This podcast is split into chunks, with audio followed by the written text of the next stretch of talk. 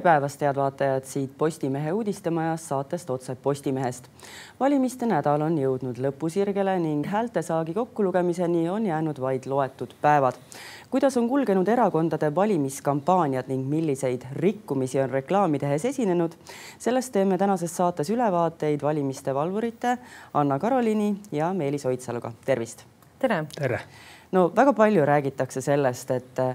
kas erakonnad rikkusid reklaami tehes head tava, räägime lühidalt lahti, mida see hea tava üldse endast sisaldab või mida ta tähendab täpselt? ja äh, hea valimistava viitab sellele, et meie valimised võiksid keskenduda ikkagi sellele, mis on oluline, et kampaania oleks sisuline, et me räägiks tegelikult Eestis olulistest teemadest teiseks on väga oluline, et inimesed, kes on avaliku võimu positsioonil ja kes kontrollivad avaliku võimu ressursse, et neid ei kuritarvitataks, see tähendab, et me ei kasuta kas avalikku raha, aega, kommunikatsiooniressursse, et siis tegelikult teha ainult ühe erakonna kampaaniat. Ning loomulikult on ka siis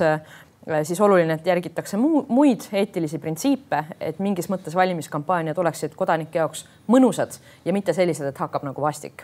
Meelis, enne kui me läheme selliste konkreetsete näidete juurde, siis äh, kuidas teile tundub, kas see pilt on üldjoontes hea või äh, on ikkagi see kuidagi ajaga kehvemaks läinud, paremaks läinud või kuidas see seis on?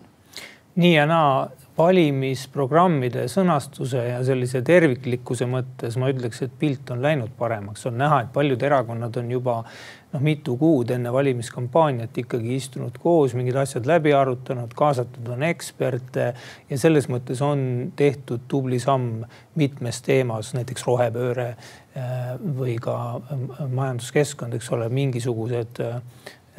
selged arengud sisuliselt on siin toimunud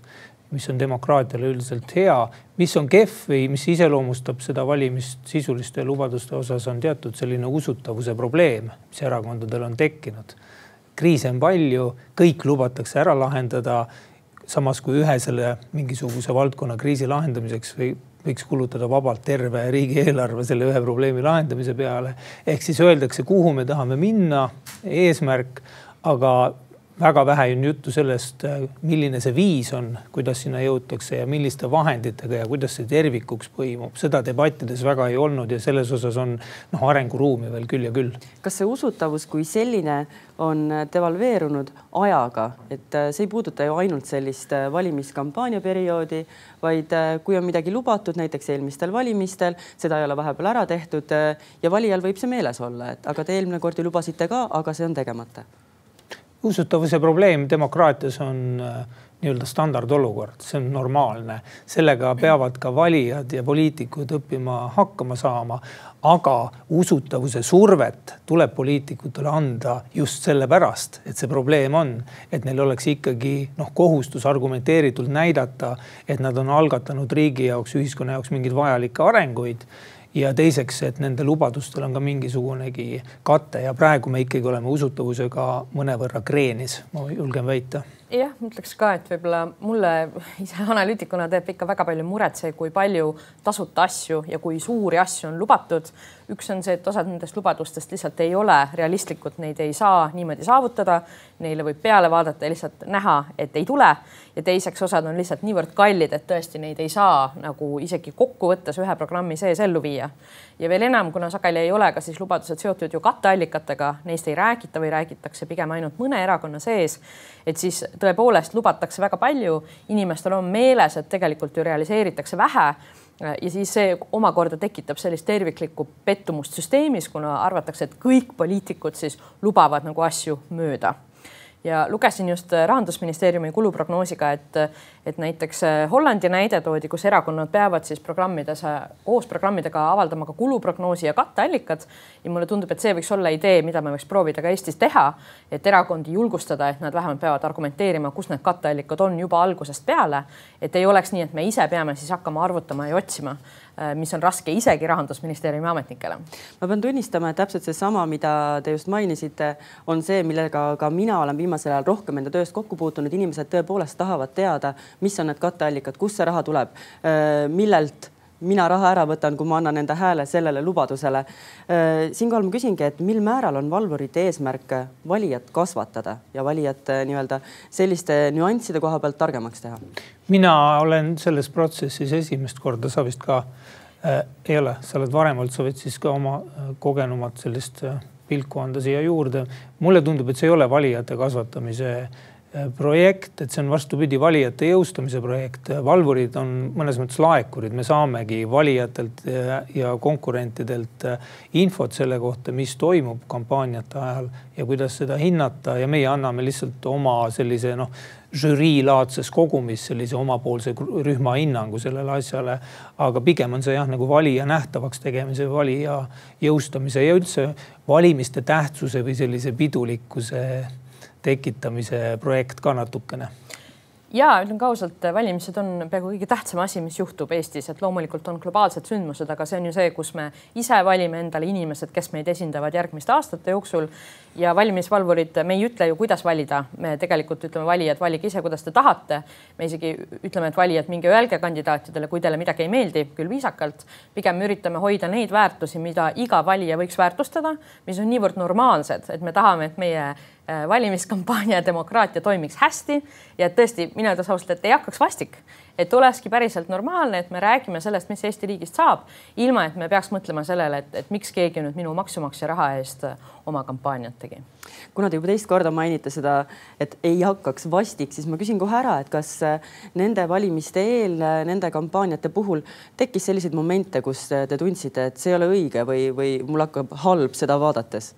no mina ütleks, et jah, ma olen tõesti väga kaua juba valimisi valvanud, vist kaheksa-üheksa aastat, et siis sel korral polnud hullu, et on olnud palju hullemaid valimisi, mida ma olen näinud ja üldiselt võib-olla kõige rohkem probleeme või mille osas mul on võib-olla kõige keerukam olnud, on olnud ikkagi selline tugevad vastanduvad sildid, mida on mõnikord natuke õõnes lugeda. et kui keegi ütleb, et teine erakond hävitab Eesti riiki, Eesti riigi püsimajäämist, Eesti rahvast, et see on see, kus mul hakkab natuke imelik, sest mulle tundub, et meie, kuigi kindlasti on vastandumist poliitikas, väärtused on kauged erakondadel, et siis nii tõsisteks siltideks pole põhjust ja nad ka hirmutavad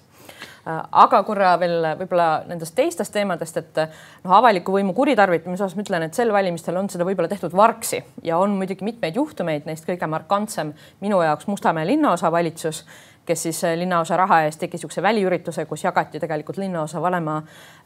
selliseid kaarte ja tehti kampaaniat. Ja natuke igasuguseid selliseid juhtumeid oli veel, aga need võib-olla mahu mõttes või rahalise mahu mõttes olid siiski pigem jah, nagu ütleks nagu vargsi tehtud, ehk siis mitte nii suured kui varem. osalt selles roll on ka Erakondade Rahastamise Järelevalve Komisjonil, kelle siis selline töö on, on suurenenud ja selle võrra valvurid peavad siis ka vähem tegema. Meelis, kui me räägime sellest vastandumispoliitikast, kas seesugune kukepoks erinevates debattides just nimelt nende plakatite, loosungite puhul häirib ka teid?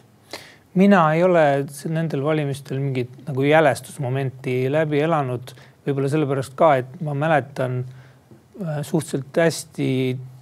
nullindatel terve kümnend käis tegelikult samasugune mustade ja valgete jõudude mäng. Savisaar oli siis selles saatana rollis. Äh, et noh, nüüd on lihtsalt äh, erinevad inimesed need rollid üle võtnud ühiskonnas ja võib-olla mingi hetk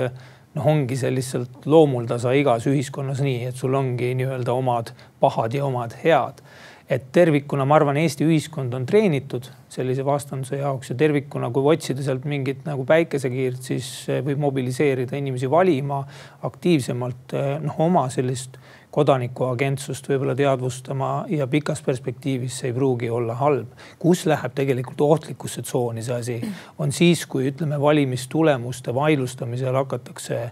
kas siis juba varasemalt ette valmistatud või siis välja mõeldud Äh, narratiivi kehtestama, et valimised on illegitiimsed, ehk siis nad ei ole seaduspäraselt läbi viidud, ilma et tõendeid või isegi mõistlikke kahtlustusi suudetaks pakkuda. sest mõistlike kahtlustuste noh, esitamise kohustus on igalühel olemas. aga kui seal hakatakse noh tegema seda nii-öelda Trumpi ja kuuendat jaanuari ja nii-öelda kongressi ründamist kasvõi mentaalselt, et siis see on juba samm äh, pigem sellise noh, ütleme demokraatliku kultuuri nagu allakäigutrepil samm allapoole ja sinna ei tasu minna, et USA puhul me näeme seda, et kuhu see on viinud täiendava polarisatsioonini ja, ja sellise sektistumiseni poliitikas, me ei taha seda Eestisse. Anna, teie enda kogemuse pealt äh, olete valvanud neid äh, valimisi ka varasemalt. kas tunnetate juba ette ära, et äh, on ka seekord tulemas selliseid suuremaid kaebuseid? Ma arvan, et kas ma näen märke, et võidakse üritada e-valimiste usaldusväärsust kahtluse alla seada ja kas ma näen, et see on osa ühe erakonna kampaaniast, ütlen ausalt jah tegelikult juba näen, olen kohanud nii selliseid trollide kommentaare sotsiaalmeedias vastavat reitingut avaldavate ettevõtete all ja samamoodi sellist argumenti, et aga meie toetusmäärad on hoopis teised, kui reitingud väida, väidavad. et ma ütleks, et me peame selles osas olema valvsad, sest tõepoolest ka erinevad äh, teadustulemused näitavad, et sellise ilma tõendite valeinfo levitamisel on kahjuks mõju. see jääb inimestele niimoodi pealiskaudselt meelde ja see tõesti võib Eesti demokraatia nagu surve alla panna ja see ei ole okei okay et tõesti tõendeid esitada on okei okay,, on, on täiesti arusaadav olla skeptiline, aga niimoodi teha valeväiteid suurelt niimoodi hirmu ja vihaga peale minna, see on kindlasti vale ja selles osas äh, ütleks, et ka on väga oluline, et me siis ka meediana oleks väga vastutustundlikud ja ei lubaks, eks ole, sellistel äh, sellistel juhtumitel nagu saada sellist väga laialdast kajastust lihtsalt sellepärast, et keegi nii ütles kui palju te näete, et äh, erakonnad või poliitikute põhiselt ollakse muutunud kavalamaks ja üritatakse siis rääkides sellest heast tavast piire kombata ja sedasama head tava üle kavaldada? No siin üks ülekavaldaja muide täna esineb ka Siili pea, trollipeatuses mingi Mustamäele, näete seal linnaosa vanemat Lauri Laatsi, kell kolm ta on lubanud seal olla. ta on üles pannud sinna siis eeldatavasti selle telgi, rohelise linnaosavalitsuse telgi, mis on noh, identne Reformierakonna või Keskerakonna värvidega ja toimetab seal justkui linnaosavalitsuse välikontoris tegelikult noh, ilmselgelt nagu valimiste asju ja oma kandidatuuri seal tutvustades, et selliseid skeemitamisi on. üllatav on see, et kuidas poliitik arvab, et nüüd midagi ei järgne sellele, järgneb ka Savisaar oma trummi põristamise plakati eest pidi ju lõpuks raha tagasi maksma. et, et see teinekord jah üllatab ja seda ei saa nimetada leidlikkuseks. noh, üks teine L-tähega sõna tuleb meelde. kui palju nende valimiste perioodi jooksul, kampaania perioodi jooksul rahakotid kippusid segi minema? ütleks, et meil oli pigem nagu vähem juhtumeid või, või enamasti me räägime jah, meil on olnud siis paar üritust, üks on jah, see Mustamäe linnaosavalitsus, teine on siis üks äh, praegu uuritav juhtum, mis puudutas äh, Türis ühte avalikku üritust, millega siis äh, oli rohkem seotud Isamaa. on olnud väga palju siis või mitte väga palju, vabandust, mõned kohalikud ajalehed, kes on siis avaldanud väga palju sel hetkel siis seal linna või vallavolikogus olevate inimeste artikleid, samas jättes siis opositsioonile väga vähe ruumi või vähemalt nähes, et see on võib-olla niisugune natuke läbimõtlemata kajastus, et seda on äh, nüüd sellist otsest nagu raha panemist, ütleks, et on vähem, pigem on just see, et, et olen küll avalikus positsioonis, aga kogu oma rõhu ja töö suunan ikkagi oma kampaania tegemisele, millega hakkasid ju kampaania alguses silma ka sotsidest ministrid. Et siis sellist nagu vargsi äh, nagu ressursside ärakasutamist küll oli, aga jah võib-olla väga suuri summasid kas enam ei julgeta, võib-olla osalt ka sellepärast tõesti, et see raha teemal meie erakondade rahastamise järelevalve komisjon on ka tegemas äh, head tööd, et et võrreldes varasemate aastatega on seda minu arvates vähem. minu arust ei olegi küsimus ainult rahas, et kui me sedasama Laatsi äh, trollipeatuste tuuri vaatame, sinna on kaasatud noored inimesed see normaliseerib äh, ühes linnaosas noh, sellise paatjaliku laiamise valimiste eel. Äh, ja sellel on noh, laiem mõju, kui isegi oleks see noh, rahaline kahju. Et just, et ta on mõnes mõttes sihukese noh, korruptiivse kultuuri jätkumise justkui kaudne tõend Kõlvarti juhitud linnavalitsuses. Ja see, et seda ei häbeneta isegi noh, et see on ohumärk, sellega tuleb tegeleda. Pluss meenutan, et ikkagi erakonna, erakonna kandidaadid ja poliitiline kampaania, see ei ole nagu tavaline asi, et valimised ei ole nagu selline igasugune äri või erasektori tegevus, kus kõik, mis on, mis ei ole keelatud, on lubatud. vastupidi, me räägime väga olulisest teemast, kus eetikastandardid on kõrged. me oleme tegelikult ju ka kõiki erakondi iga kord informeerinud, et me hakkame valvama, hea valmistama on selline, hea valmistama ei ole liiga ambitsioonikas, need on tõesti kõik täiesti tavalised asjad, millest peakski kinni pidama mis on ka ju seotud igasuguse nagu avaliku võimu positsiooni astumisega. et seega ütleks, et kui kandidaat ei tea ja mina ka kohtan seda, et kandidaat mõnikord pahandavad, et me julgesime nad häbiposti panna ja mina vastupidi olen ka täiesti nagu seisukohal, aga, aga noh, et tava ju reguleerib täiesti normaalseid asju, et kuidas te julgete meie peale pahandada, kui te ise olete sellist kampaaniat teinud siin üks äh, oluline element, mille rikkumine paistis ka silma seekord, äh, mis äh, heas valimistavas on, millele kõik erakonnad peale Keskerakonna on alla kirjutanud muuseas, puudutab haridusasutuste kasutamist valimispropagandaks. kui poliitikud käivad koolides valimiste eel, on see väga hea noored peaksidki, nad on valimistel alaesindatud ja alaaktiivne sihtrühm, nad peaksidki rohkem kokku puutuma poliitikutega valimiste eel. Aga seda tuleb teha nii nagu haridusministeerium on ka koolile, koolidele ütelnud, haridusasutustele tuleb teha nii, et kõik erakonnad on kohal. Äh, Viljandi Kutseõppekeskuses käis äh, Helir-Valdor Seeder eksklusiivselt rääkimas, direktor Tarmo Loodus endiselt äh, ma ei tea, kas ta on seotud selle erakonnaga, aga kunagi vähemalt oli. minu arust haridusministeerium võiks noh küsida või algatada mingi järelevalve või, või järelpärimise, et näidata seda, et ka haridusministeeriumile läheb see tavakorda. sama teema on, eh, mis ei ole küll haridusministeeriumi allasutus, aga Türi noortekeskus jällegi juht korraldab perepäeva, siis selgub, et seal on ühe erakonna plakatid ja esindaja Helir-Valdor Seeder, erakonna nänni Äh, jagamas, et äh, siin Isamaa muide oma valimisplatvormides on välja toonud ka riigikaitse valdkonnas kaitsetahte keskuste asutamise regioonidesse, et ma kujutan nüüd hästi ette, mismoodi need noorte kaitsetahte keskused hakkavad välja nägema ja kelle plakatid seal seina peal on. et, et selline noh, ütleme haridussüsteemi kuritarvitamine, et, et see on isegi hullem võib-olla kui see trollipeatuste kampaania kui aktiivsed on äh, kodanikud äh, selliseid rikkumisi märkama ja teid nendest teavitama? ütleks, et see on, see on erinev, et äh, üldiselt inimesed ikkagi üllatuvad, kui me mõnikord neile ütleme, et teie saatke, ma ütlen ausalt val, valvurid lihtsalt ei jõua kõigil silma peal hoida, erakonnad teevad ju ikkagi väga palju kampaaniaid kohalikes oludes, sotsiaalmeedias, kus meie ei näe. Äh, aga loomulikult pärast seda, kui me oleme rikkumisi avaldanud, siis tuleb ka palju sisendit juurde. mõnikord need on ka kandidaadid ise, keda teised kandidaadid on häirinud ja see on ka täiesti okei okay,, kuna võib-olla ka valijad ise ei pruugi kogu aeg märgata, nii et selles osas meie rikkumiste leiud sageli toetuvad ikkagi valijate äh, tähelepanekutele, mitte sellele, et me ise siis käime ja surfame materjale muudkui läbi. no Meelis, te ütlesite, et teie jaoks on see esimene kord olla valimiste valvur. kas te tundsite ise sellist äh, Äh, ütleme siis vajadust ja pinget ka, et te peate rohkem märkama ja te peate rohkem võib-olla käima linnas ringi, et linnaruumis näha, mis toimub, te peate rohkem olema sotsiaalmeedias. oli selline pinge teie õlul? minu häda ongi see, et ma ei ole ühismeedias ja mulle tundub, et väga palju kampaaniat, nagu siin üks teine valimiste valvur ka märkis kokkuvõtete ajal, toimub üldse suletud nii-öelda foorumides ja gruppides, kus on ka tegelikult noh ütleme avalikkusele sarnaselt hästi palju osalejaid, aga see toimub justkui meedia eest äh, varjatult, et see on pool võib-olla, millele tulevikus tähelepanu juhtida. Ja mis äh, minus tekitas valvurina tegelikult küsimusi, oli ka see, et äkki peaks ka meediamajad tulevikus selle ja. tavaga liituma, sest et nii Postimehes kui Delfis äh, noh, oli ju üsna pikalt, siiamaani vist on üleval EKRE mingi uudiste rubriik, mis noh, Postimees tegi nii palju, kohendas ja reageeris, et pani sinna valimisreklaam, mis on selgem sõna kui sisuturundus, sest et paljud uuringud näitavad, paljud inimesed saavad aru, mis asi on sisuturundus, ei oska seda muust sisust eristada.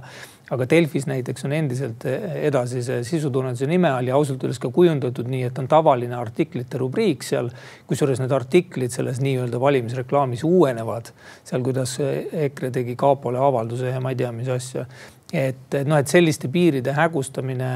noh, ilmselgelt meediamajades eri osakonnad otsustavad neid asju, aga tervikuna ma arvan, et see ei tule sellele portaali agentsusele kuidagi või iseseisvusele, renomeele kasuks, kui üks erakond saab lihtsalt osta ma ei tea, palju selle eest raha peab maksma, väga palju ei pea, aga te, teha uudisteportaalist oma erakonna leht kolmeks nädalaks, et see natukene nakkab ka selle portaali mainele. no siit üks ettepanek Meelise poolt, Anna Äh, kas teile tundub, et äh, valimiste valvuritel on piisavalt hoobasid, et, äh, et vaadelda neid asju ja, ja siis anda võib-olla vajalik info edasi sinna, kuhu on vaja või peaks tulevikus võib-olla arutama seda valimiste valvurite sellist funktsiooni enam, et, et anda neile rohkem õigusi?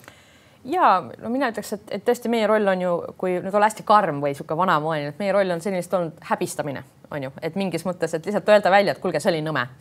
ja kindlasti osa ju meie tööst on võtnud üle ikkagi Erakondade Rahastamise Järelevalve Komisjon, mis on väga tore, sest meil ei ole, meil ei ole ju igasuguseid menetlushoobasid, me ei saa kuskile minna ja sageli ka meie ise teeme kaebuse sinna, et siis asju uuritakse edasi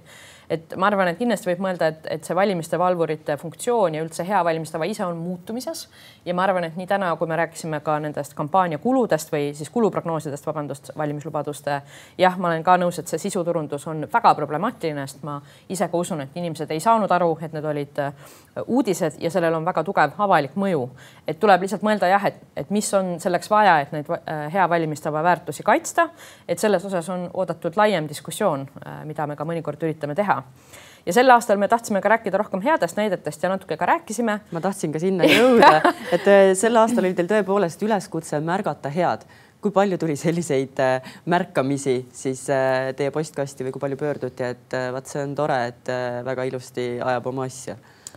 no vot, mõned tulid, me mõned ka märkasime vist ise, mul on nüüd ise raske öelda, et äh, tõesti, mina olen natuke selle ameti poolt ära rikutud, et ma keskendun ikkagi sellele, et mis on rikkumised. et seega see on hea küsimus, et kui ma nüüd hakkaks märkima, et mida on head, et siis kas tegelikult võiks olla head palju rohkem, kui me seekord välja tõime. et muuhulgas võib-olla oli see, kui kandidaadid kaitsesid üksteist põhjendatult, hoolimata sellest, et nad olid erinevatest erakondadest võib-olla siis äh, märkasime, et sotsiaaldemokraadid võib-olla olid oma lubaduste osas realistlikud ja nende kulude osas ja nemad ka tegid näiteks oma platvormi siis äh, vaegkuuljatele, nägijatele kättesaadavaks. et need on lihtsalt mõned näited, aga ma kahtlustan, et palju head jäi siiski märkamata. mina ise ka siiski hoian oma kulmu pigem kipras kui imestuses, et see võib olla ka asi, millele rohkem mõelda Meelis siin saate alguses muidugi ütles, et äh, temale isiklikult jäi silma see sõnumi selgus ja selles osas on tehtud nagu edusamme. kas midagi veel mm.? Ma ei, ma ei oska öelda, mulle tundub, et äh, need valimised ikkagi on mõnes mõttes sõjaaja valimised. Ja et me nende järgi noh, ütleme nii-öelda Eesti sellisele demokraatlikule tervisele päris ei peakski hinnangut äh, andma. Et äh, jah, mõned toredad episoodid olid siis, kui siin Johanna-Maria Lehtme palga üle käis diskussioon, konkurenterakonna inimesed nii-öelda tulid talle appi selle valeinfo kõrvaldamiseks ja noh, selliseid helgeid momente on veel olnud, et, et noh, üldpilt ma väga nagu traagiline ei ole. ja mõningad sammud tehti sisulise debati sisukuse osas edasi, aga arenguruumi on ka veel kõvasti kui palju te olete teinud pöördumisi äh, Erakondade Rahastamise Järelevalve Komisjoni nende valimiste ajal? Äh, no nüüd ma pean täpse numbri peale natuke mõtlema, kuna eks me äh, seda ei tee ka mina isiklikult, vaid meie koordinaator, et, et ma ütleks, et paar tükki kindlasti, vist kolm-neli kokku, kus jah, siis lihtsalt see küsimus on nii, nii ilmselge, et see on küsimus täpsetes asjaoludes, küsimus, kas, mille eest maksti raha ja kas need tingimused olid kättesaadavad kõikidele erakondadele. et selles osas, eks äh, rahastamiskomisjon ise saab siis öelda, et mis siis oli problemaatiline. Et kõik sellised juhtumid jah, meie võtame ju oma käest ära, sest meil ei ole neid hoobasid ja ka ei peaks olema, et selleks see komisjon sobib väga hästi. kui tihedalt valvurid omavahel läbi käivad, et kui teile tundub, et te näete midagi, mis võiks olla rikkumine, aga pole päris kindlad, kas te pöördute teiste valvurite poole, et äh, see läbi rääkida? ja ikkagi see käibki kollektiivselt, et äh, nii-öelda iga nädal vaadatakse kõik juhtumid kollektiivselt läbi, iga valvur paneb hinnangu, põhjenduse ja need hinnangud sageli ei ühti ka, et selles mõttes ongi hea seda teha nagu laiemas rühmas et, et noh, seal jah, ütleme lihtsalt sellise uitmõtte või isikliku poliitilise eelistuse najal kedagi naela või, või, või äh, risti naelutada ei ole väga võimalik, et. Anna, kas teie äh, sellise kogenud valvurina pigem nagu ütlete noortele uutele valvuritele, et äh, see ei ole midagi, see on tühi asi ja võtate nagu asju vabamalt või pigem oskate rohkem nagu märgata, et, et kuidas te ei pane tähele, et seal tegelikult on rikkumine? No ütleks nii ja naa, et see, ma olen Meelisega nõus, et see on tõesti erinev ja see tulebki inimeste arvamustest kokku. et kindlasti see, mis on erinev, on see, et mida inimesed peavad hirmsaks, mis, mis nemad arvavad, mis hirmutab valijat. et mina olen mõnes aspektis kindlasti tundlikum, ma olen ise ka politoloog ja seega võib-olla tean natuke sellest või vähemalt ise arvan, et tean, et, et mis mõjub hirmutavalt. aga see tõesti on subjektiivne, see sõltub ikkagi sellest, mida, mida me ise poliitikaga seostame. et minu enda jaoks üks võtmeküsimus on see, et mida tava reguleerib ja mida mitte. ja see on tõesti olnud koht, kus on olnud ka endal raske otsustada, et see sisuturunduse probleem on hea näide, et tegelikult hea tava reguleerib üldiselt ju avalikult äh, ligipääsetavaid või avaliku raha eest tehtud asju, aga selle, selle puhul näiteks sisuturunduse puhul tundub, et see on ilmselge probleem, mis hakkab mõju, mõjutama nagu valimiskampaania tulemust. ja sellisel juhul tekibki küsimus, et kui nüüd isegi tava seda reguleerib väga kaudselt, et mis otsuse me peaks võtma. ja mõnikord ma olen siis olnud see karm valvur, noh näiteks, et kui keegi paneb äh, meile korteriühistu ukse külge sildi, siis ma ütlen, et see on tüütu, aga see pole valimistava rikkumine. aga sisuturunduse puhul pean ka ütlema, piisavalt oluline ja suur teema, et peaks olema ka meie tähelepanu all. ma lõpetuseks küsin, et kuidas see valvuri ülesanne mõjutas teie elurütmi ja kas äh, nüüd seoses valimisõhtu saabumisega, valimispäeva saabumisega äh, tuleb ka mingisugune pingelangus? pinget otseselt nagu ei täheldanudki, et see ei ole nii keeruline töö ja nagu öeldud, et äh, inimesed, tavalised Eesti inimesed on need tegelikud valvurid, et meie oleme rohkem nagu laekurid valvurite nime all. ma tooks ühe siia lõppu veel ühe näite, eripärase näite veel Äh, mis viitab ka sellele praegusele sõjaolukorrale. meil üks ju kandidaat nüüd esmakordselt liikus äh, sõjapiirkonda valimiskampaaniat tegema. Aivo Petersonist on jutt mm, -hmm. kes, kes läks teisele poole piiri ja noh, on nüüd huvitav jälgida, et mismoodi siis Eesti õigussüsteem seda juhtumit käsitleb, et Riigikogu kandidaat, kes on läinud otseselt koostööle tegelikult agressoriga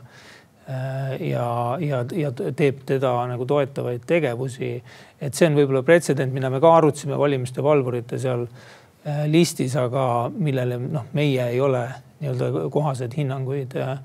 andma otseselt nendel arengutel meedia hoiab silma väga äh, pingsalt peal, seda ma saan lubada äh,. Anna-Karoliina, aga kuidas teid, teie elurütmi see valvuriperiood mõjutas? No ütlen jah, et üldiselt ikka äh, valvurid tõesti on nagu mõistlikud, et me ju vaatame rikkumised kord nädalas üles, hindame neid, mõtleme neile ja siis räägime neist. et ta kindlasti mu tööd mõjutab ja saan nüüd natuke võtta vabamalt. mina ise tunnen survet ikkagi hoida asjadel silma peal, peamiselt just programmide osas ja tunnistan, et äh, selle, selle kampaania ajal natuke huumoriga ma siis lugesin programme koos sõpradega, et mul oli isegi õhtul selline pidu, kus siis äh, koos äh, teiste naistega istusime ja lugesime ja tegime nalja ja see oli üks ainuke viis, kuidas ma kõik need kampaaniad suutsin siin läbi lugedes, need on äh,, neid ähm, äh, programme on lihtsalt niivõrd palju äh, ja nad on niivõrd pikad äh,, aga siis ma tajusin, et ma pean teadma, et mida nad siis lubavad äh,. et siis nüüd tunnen, et, et vahelduseks ei pea,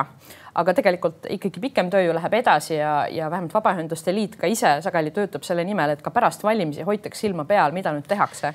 et just, et kui me oleme väga palju lubanud, et siis nüüd tuleb vaadata seda, et aga mida päriselt töösse pannakse, kui töösse pannakse ainult väiksed lubadused, siis miks te üldse lubasite neid asju välja, kui te teate, et neid ellu ei vii. et selles osas tegelikult tuleb ikkagi karmi pilku hoida. seda aga muidugi peavad kõige rohkem tegema valijad, et seda valimisvalvurid praegu ei tee. valimiste tulemus vormistatakse ära ikkagi koalitsioonilepingus nii et noh, pärast valimisi ei tohiks ükski valija ennast tegelikult väga lõdvaks lasta, vähemalt mitte ja. väga pikalt et äh, sest, et see mõjutab meie tulevikku, mitte enam need programmid. Ähm, et mis sinna tegelikku valitsuslepingusse kirja saab. aga Anna-Karoliin, Meelis Oidsalu, ma tänan teid tehtud töö eest, äh, veel tegemata töö eest, mis äh, teid ees ootab ja nende kommentaaride eest. Mhm. ja ma tänan ka teid, head vaatajad. thank you